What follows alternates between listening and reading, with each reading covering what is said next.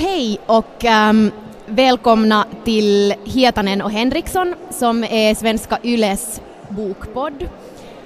Och idag livepoddar vi här på Helsingfors bokmässa. Jag heter Ida Henriksson och det här är Anne Hietanen. Och med oss har vi Kjell Westö, välkommen. Du är aktuell med Den svavelgula himlen, en bok där vi får följa med en huvudperson i ungefär fem decennier. Han är icke namngiven. Eh, finns det någon speciell orsak till varför han inte har något namn? Det finns ingen speciellt djupsinnig orsak till det. det var, jag ville pröva det. Jag har aldrig skrivit uh, en bok förut där... Nu ska jag inte nödvändigtvis kalla honom huvudperson, han är berättaren i boken och han är det filter genom, genom vilket all, alla händelser liksom filtreras, speglas. Uh, jag ville pröva om det var svårt eller lätt och, och det, där, det var ganska roligt och det var lättare än jag trodde. Men sen hade nog det att han är anonym, att han är namnlös, det har nog en dju lite djupare förklaring också. Det har att göra med hur han är. Han är ingen speciellt pålitlig person den här berättaren, även om han i början av boken försöker utge sig för att vara det. Han har, det finns någonting undanglidande i honom, i hans sätt att förhålla sig till livet. Och det också det gör att han, han lämpar sig för att vara anonym jag funderar lite på det där med känslor, eller liksom att det känns att han är lite till och med rädd för vissa känslor. Och jag kan ibland själv få sådär, om jag till exempel, jag kan inte lyssna på viss musik när jag är ensam för att det blir för starkt. Och samma mm. sak har jag ibland med dina romaner, att det blir så mycket känslor. Så hur handskas du liksom när du skriver med alla de här stora känslorna? Ja, det där är en bra fråga verkligen. Eh, jag, grans- jag handskas med dem med varierande framgång. Att det har nog funnits i vissa böcker, och egentligen i ganska många av mina böcker, så har det funnits moment, ögonblick, då jag har liksom jag har ett äh, tämligen inlevelsefullt eller tämligen äh, ska vi säga kamikazeaktigt sätt att skriva. Jag kastar mig in i den där världen. Jag är där, jag spelar de där rollerna. Det betyder att jag också upplever alla de där känslorna oavsett om det handlar om, om hat och våld eller om det handlar om kärlek och begär medan jag skriver. Och, och det finns nog moment i arbetet med de här romanerna då jag liksom skakas inuti, då jag inte mår särskilt bra. I vissa av de tidigare romanerna som handlar om Finlands historia så har det varit till exempel avsnitt där jag skildrar grymheterna under Finlands inbördeskrig då, 1918 nu var det nästan till min överraskning faktiskt, alltså jag skakades allra mest på två ställen i boken. Ena var ganska i början. Uh, då befann jag mig, jag satt i Visby i Sverige och skrev. Uh, det var november, det var stormigt och mörkt hela tiden och jag skrev de här avsnitten i boken uh, som är ganska tidiga, som handlar om hur den här berättaren och hans vänner Stella och Alex, hur de Uh, precis i den här gränszonen mellan barn och pubertet, när latensåldern, när sexualiteten vaknar och när all, alla de här känslorna, när man förälskar sig för första gången. Och det drabbar mig överraskande hårt att sitta som 53 år var jag då, sitta som 53-åring och återuppleva de här känslorna. Sen det andra tuffa stället var i slutet av boken, när man via den här Sandrine, den här representanten för den här yngre unga vuxna generationen. Via henne så började handla, så handlade det om, om flyktingkris, om vad som händer på Medelhavet idag. Och då drabbades jag på något sätt också av, av grymheten i, i det jag själv skrev och, och det där, minns att jag mådde ganska dåligt under ett par dagar när jag skrev just de första versionen av just de avsnitten.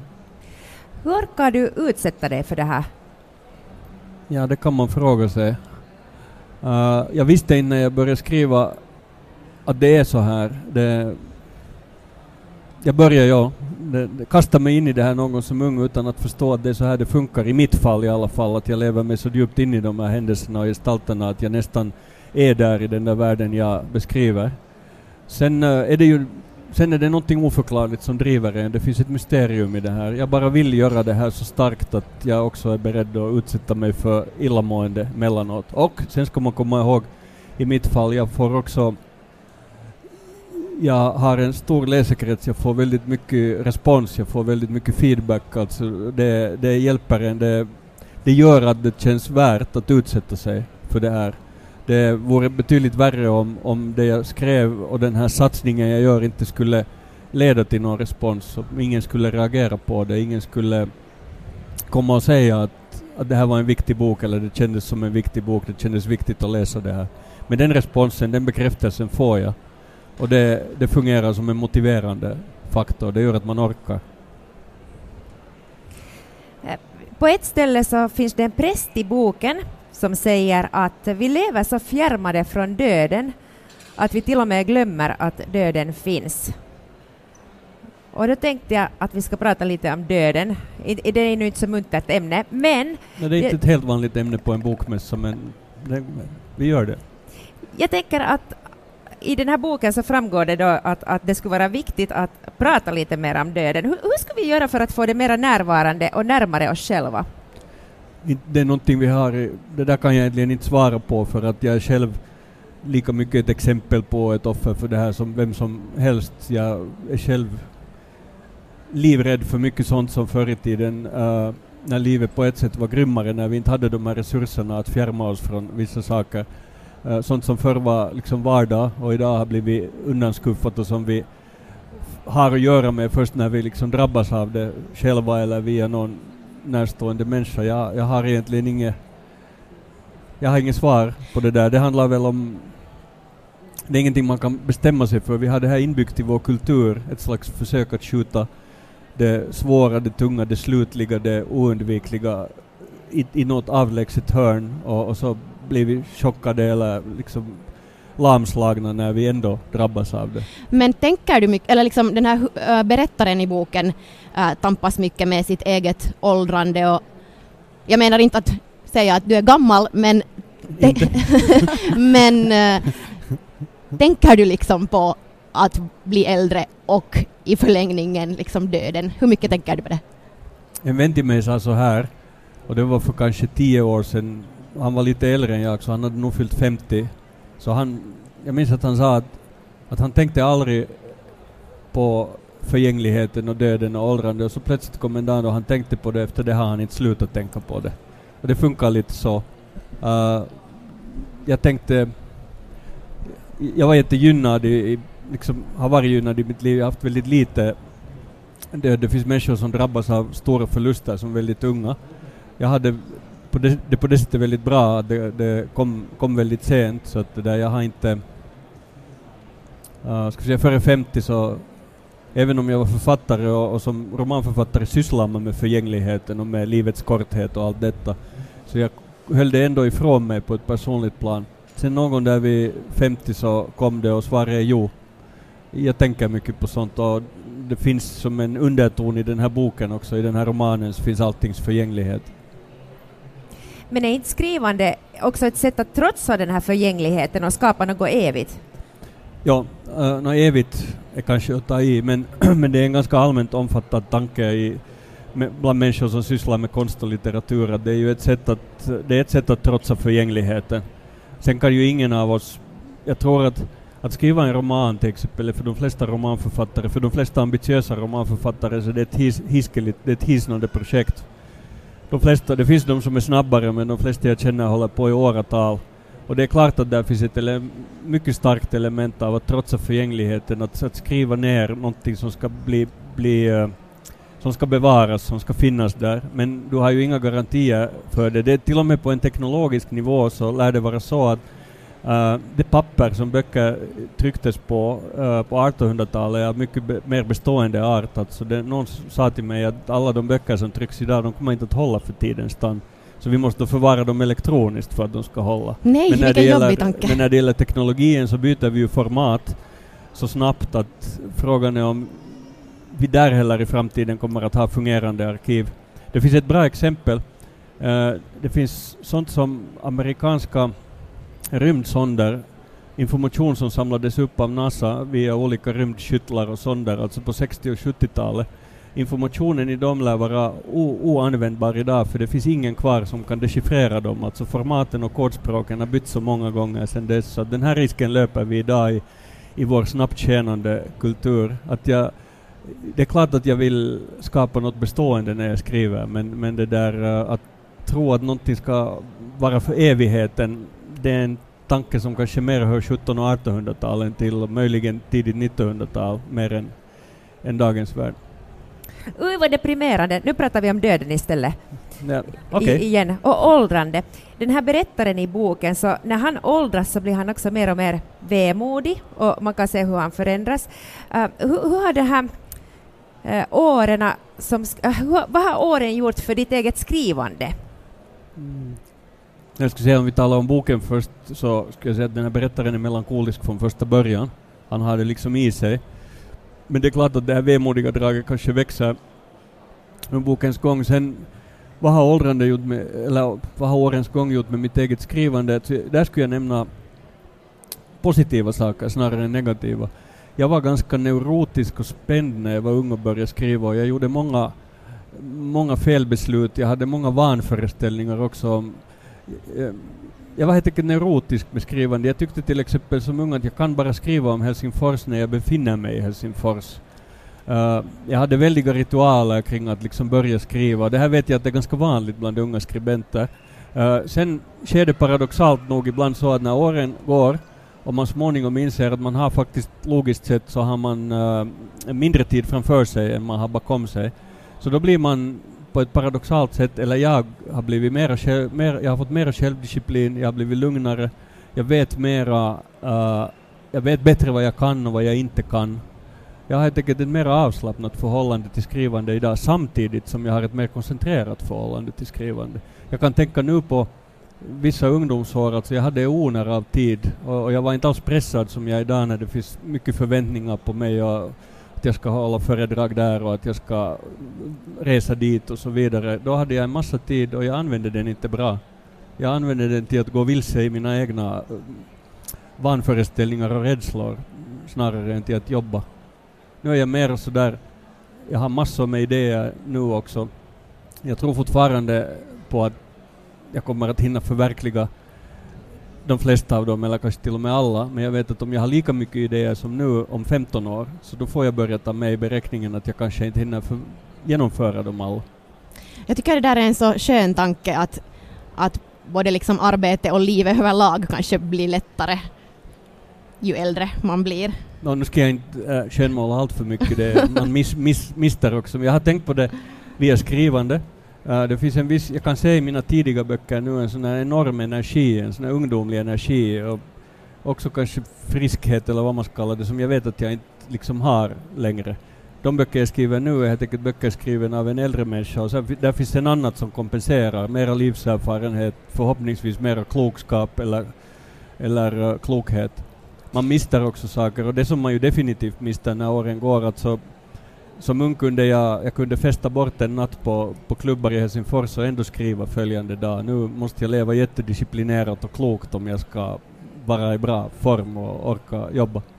Hej, men äh, är inte lite farligt eller svårt att skriva om en person som liknar dig så pass mycket? Du menar berättaren i Den svavelgula himlen? Ja. Ja men det är grejen just att han liknar inte mig speciellt mycket. Han, är, han liknar, han är man. Uh, han, blir, han är historieintresserad och studerar historia, han blir författare. Jo, den här typen av likheter finns men om man utan att närmare gå in på min självbiografi och hur jag har levt så det där livet han lever där han aldrig stadgar sig, där han aldrig bildar familj, där han på något sätt inte fastnar någonstans utan förblir en sån här undanglidande gestalt vars fixpunkt i livet förutom skrivande kanske är den här besattheten vid, vid Stella, av stora kärlek, det, det är inte jag. Sen visste jag ju, det är klart jag visste när jag uh, skapade en jag-berättare i den här boken som jag vägrar ge något namn, han är namnlös. Och så gör jag honom till författare och så är han född två år innan jag är född. Jag tror att han måste vara född 59 och jag är född 1961. Det är klart att jag inbjuder till, till tolkningen att det är jag, men det är ju inte jag romanskrivande funkar inte så, men det är liksom svårt att förklara förklara hur, hur det funkar. Han har vissa drag av mig, men ärligt talat, det har också Stella, det har också Alex, det har Krista Tuominen, det har alla viktiga gestalter i den här boken. Nu skulle du tycka om huvudpersonen om han skulle komma här nu och säga moin? No, jag skulle ju inte kunna, om, om han bara skulle komma och säga moj och jag inte skulle, menar du att jag skulle veta det om honom som man vet efter att ha läst boken? Ja. ja uh, nej, inte skulle jag tycka odelat om honom. Jag har medvetet skapat honom som en inte helt sympatisk person. Det, Det, det förklarade jag här tidigare i ett, i ett sensamtal på finska. Det här är en 475-sidig roman som spänner över, uh, över 47 år. Dessutom med trådar tillbaka till tidigt 1900-tal, på sätt och vis spänner den över hela Finlands självständighetshistoria. Och, och den här, hela berättelsen berättas av en person. Det, allt speglas genom ett jag, en jag-berättare. Uh, en, en 475-sidig berättelse med en jag-berättare som är ett helgon och genomsympatisk och alltid fattar rätt moraliska beslut, det, det blir icke trovärdigt och det blir också tråkigt. Jag har helt medvetet gjort honom till en mycket motstridig gestalt. Och svaret är att inte, inte tycker jag själv heller uh, odelat om honom. Och samma gäller om, om man betraktar Alex Rabell och Stella Rabell som de två andra viktigaste, eller huvudpersonerna i den här berättelsen. Också de har, vågar jag säga, narcissistiska drag. Så alla de här tre centralgestalterna i min generation i berättelsen, uh, ingen av dem saknar narcissistiska drag. Och det är helt enkelt en spegel av vår tid och den väg min generation har vandrat. Liksom, vi, vi har vandrat in i ett samhälle där många människor, ärligt talat, det finns det har alltid funnits självupptagenhet och självbespegling men, men det finns saker i vår värld idag som, som uh, inte tvingar oss men som lockar oss att bli ännu mer självmedvetna och självbespeglande än, än kanske en människa var förr. Och de här huvudpersonerna i den här boken är, är dessvärre de är ett exempel på detta. Men är det alltid en dålig sak? Inte det är alltid en dålig sak, men, uh, men nu är det en stor kulturell förändring. Jag har ibland tänkt så här, tänk er tillbaka 150 eller 200 år i tiden och tänk inte nu på adeln eller kungarna och drottningarna, för de har alltid haft speglar. Men gå till ett vanligt hus på landet för 150 år sedan, hur ofta tittar människor sig själv i spegeln? Hur ofta tog man, no, för 150 år sedan, måste räkna efter, uh, så då fanns fotografier redan och, och, det där, och det togs fotografier men liksom, hur, hur, ofta tittar vi på bilden av oss själva? Om man går tillbaka till bland vanligt folk så att mm. säga, in, in, inte de liksom rikaste och förnämaste. Man gjorde inte det. Så det är klart att den här besattheten av den egna bilden och, och, och, och hur man ter sig inför andra, det, det är klart att den, den, den har förändrat oss på något sätt djupt. Och jag inser också att det paradoxalt att jag sitter här och säger det här för att går man omkring här i mässhallen så hänger jag på bild här, här och där. Men jag, går inte, jag undviker faktiskt aktivt att titta på de här bilderna av mig själv. Så gott jag kan. Mm, på tal om bilden och blicken så tycker jag det är intressant, eller det ska vara intressant att höra hur du tänker liksom på din position som vit man och att kanske den manliga blicken är inte liksom så jättehögt i kurs just nu, om man säger så, i det äh, offentliga samtalet. Men äh, hur tänker du liksom när du skriver om, för jag tycker att du skriver jättefint om mm. kärlek och åtrå och jag menar att, att måste du på något sätt akta dig för hur du beskriver kvinnor eller hur, hur tänker du på den saken? No, det här är en mycket bra fråga och det är också en mycket viktig fråga. Det är klart att det här var en sak jag visste om och tänkte på när jag började det här projektet. Jag följer med. Nu, nu när du sa eh, att den manliga blicken inte står så högt i kurs i debatten så då måste man genast fråga vilket land och vilken kultursfär talar du om? Jag gissar att du talar om typ Sverige och Finland. Och du har alldeles rätt där, men det beror ju förstås på var i världen du befinner dig. Men i, i vår värld, jag tänkte så här, ska jag som 56-årig vit medelklass, till och med övre medelklass, heterosexuell man verkligen skriva en roman om, om, som, som väldigt viktig ingrediens har kärlek, sexualitet, begär och, och som berättare då en, en heterosexuell vit medelålders medelklass man. Det är klart att jag vet att särskilt så som kulturdebatten har gått i Sverige de senaste åren så är det i stort sett att tigga om stryk.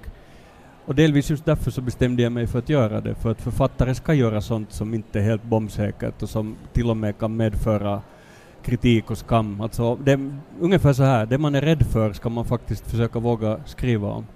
Och sen gjorde jag nog allt jag kunde. Jag, jag är medveten om problemen med den manliga eh, heterosexuella blicken och, och jag hade en del ganska klara tankar med de här erotiska skildringarna, skildringen av sexualitet som finns i boken. En var den här, det har jag faktiskt från en brittisk författarinna som besökte Finland och jag minns inte nu vem hon var men det var också någon det var någon, en författare med, med ganska stark, som skildrar erotik mycket. Och hon sa att, att, att använd inte blomsterspråk, kalla inte saker för saker. Det var liksom ett råd. Och det är sånt som man fattar av sig själv också efter att ha skrivit i 30 år. Men det andra och viktigare är det här jag tänkte ju, ju, längre ifrån du stiger, om du stiger ut och tittar så att säga på en erotisk situation, så då tror jag att ju mer du gör det, så oavsett om det är den manliga eller kvinnliga blicken, så det närmar sig pornografin. Det blir det här liksom tittande utifrån på någonting. Så jag försökte, jag tänker, jag har alltid sagt att jag spelar roller som på en teaterscen men inne i mitt eget huvud när jag skriver. Jag gör det när jag skildrar krig och grymheter, men jag gör det också när jag skildrar vardagsliv och när jag skildrar intima saker. Så jag försökte våga kasta mig in i de där situationerna istället för att stå utanför och titta på dem. Så det finns inga beskrivningar av kroppar, hur någon ser ut, utan det är mer att man är i den där situationen. Och det är ju också en risktagning, och det avgör sen, det avgör sen andra hur jag har lyckats, men ska vi säga så här, nu när det har gått ett par, tre månader och boken har funnits för läsning, så jag har fått mindre stryk än jag förväntar mig att få för detta. Och det är jag alldeles glad för, för jag vill och hoppas själv att de där scenerna ska vara äkta och att de inte ska vara spekulativa. Men jag tycker ändå att det är roligt att det finns så mycket sex i den där boken. Det finns jättemycket sex i boken.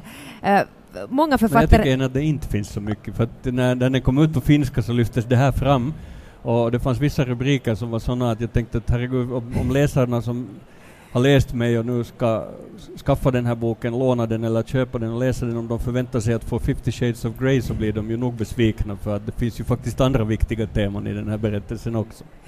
Kanske det har att göra med det att det är ändå en skillnad från tidigare böcker, att det har kommit ja. in mera kön no, i det, boken. Det, det har, jo. Jo, det jo. Uh, måste du göra mycket research för de här sexerna? Nej, nej, nej. Det är någonting med finlandssvensk radio och TV för, för det där när jag var efter nio så försökte de med samma kicka, samma trick det där och det här, där kan jag bara inte svara på det. Det är okej. Okay. Jag, jag tänkte, ja, jag tänkte en sån grej, vi, Ida och jag hade helt annorlunda åsikter om den när vi hade läst den. Jag tyckte att den var jätteantikapitalistisk och Ida sa att va? Jag tyckte igen att han var ju så fixerad vid makt och pengar men ni har båda rätt, skulle jag säga. Alltså det, yes. han, är fix, han, är, han är fixerad vid makt och pengar. Men, uh, men han är ju inte jag, alltså. Det är inte, sen, sen finns det en annan berättare än den här jag-berättaren. Det finns han som sitter och styr där bakom och det är en, uh, det är en jag. Och det är klart att jag har velat uh, kritisera någonting och, och, som jag sa i någon intervju också så no, någonting gick snett som jag ser det om vi talar om ekonomi och hur vi ser på samhället och om vi tänker på rättviseaspekter och hur ska vi bygga samhället. Någonting började gå snett redan på 80-talet när vi hade den här stora ekonomiska bubblan som sen slutade i en kraschlandning och en recession i början av 90-talet. Jag, jag, jag, känner det, det, det, att jag har ett perspektiv som redan går ganska många årtionden tillbaka, alltså också egen erfarenhet och, och det fanns en annan stämning i Finland när jag var barn och växte upp, på gott och ont, att vi liksom och mycket gott att vi ändå bygger ett samhälle tillsammans. Och att man, efter, även om full sysselsättning och, och samhällelig ekonomisk jämlikhet och rättvisa, de är svåra att uppnå, men man försöker ändå. Och det här har förändrats jättemycket på de årtionden som jag har levt och, och varit aktiv. Och det finns nog en underliggande kritik mot det här i den här boken. Så jo, han, är, han berättaren är eh, mycket fixerad vid makt och pengar och, och också vid framgång och sånt. Och, och jo, det en, an, finns en antikapitalistisk tendens i den här berättelsen, tycker jag. Hej, men nu efter att ha läst en så här stor, äh, mäktig bok på något sätt som har fyllt våra tankar den senaste tiden så känner vi oss jättetomma med Anne. Va, vad skulle vara ditt tips? Vad ska vi ta oss an och läsa efter det här? Mm. Om, det, om, du, om, du, inte får tipsa om dina egna böcker. Nej, no, det vore ganska stillöst att göra. Nej, jag kan tipsa om två, jag har inte hunnit läsa så mycket som jag borde det här året, eftersom det, eller den här hösten, men jag kan tipsa om jag kan tipsa om ett par andra finlandssvenska romaner. Uh, till dem, och nu är orsaken att jag tipsar om just dessa två är delvis att det finns en massa jag inte har hunnit läsa, men, men Uh, Johanna Holmström var här på scen före mig. Hon har skrivit en roman som heter Själarnas ö, som har en helt annan tematik än min roman. Den utspelar sig i historisk tid och, och handlar om, om en ö i Åbo skärgård där man, dit man förvisar kvinnor. Vi har läst den, vi har läst den. Hon var vår Ja. första gäst och du är vår andra gäst. Okej, nu måste jag tipsa om något annat. Då tipsar jag om till exempel Philip Teirs roman Så upphör världen som jag läste i våras när den kom ut. Det är också en bra finlandssvensk roman. Och där nere i publiken sitter Anna Lindholm som har skrivit Projekt Ines som är en jättefin bok om eh, fem kvinno, kvinnoöden där vid tiden för finska inbördeskriget. Så det finns nog massor att läsa. När jag, när jag får sluta resa så mycket som jag gör så ska jag lägga mig i min soffa och börja läsa böcker igen. Ett litet liv, har du, de- den rekommenderar vi. Mm, vänta nu. Hania Yanagihara. Ja, jag Inte finlandssvensk, Jag men, känner men till den. bra har ändå. inte läst den. Hej Kjell Wester, tusen tack! Tack till alla som har lyssnat på oss. Det här är Hietanen och Henriksson och vi ger ut en bokpodd en gång i veckan på arenan. Och vår producent heter Kia Svetichin. Tack så jättemycket Kjell Wester för att Tack du var med. Tack. Och tack också till publiken här på Helsingfors bokmässa.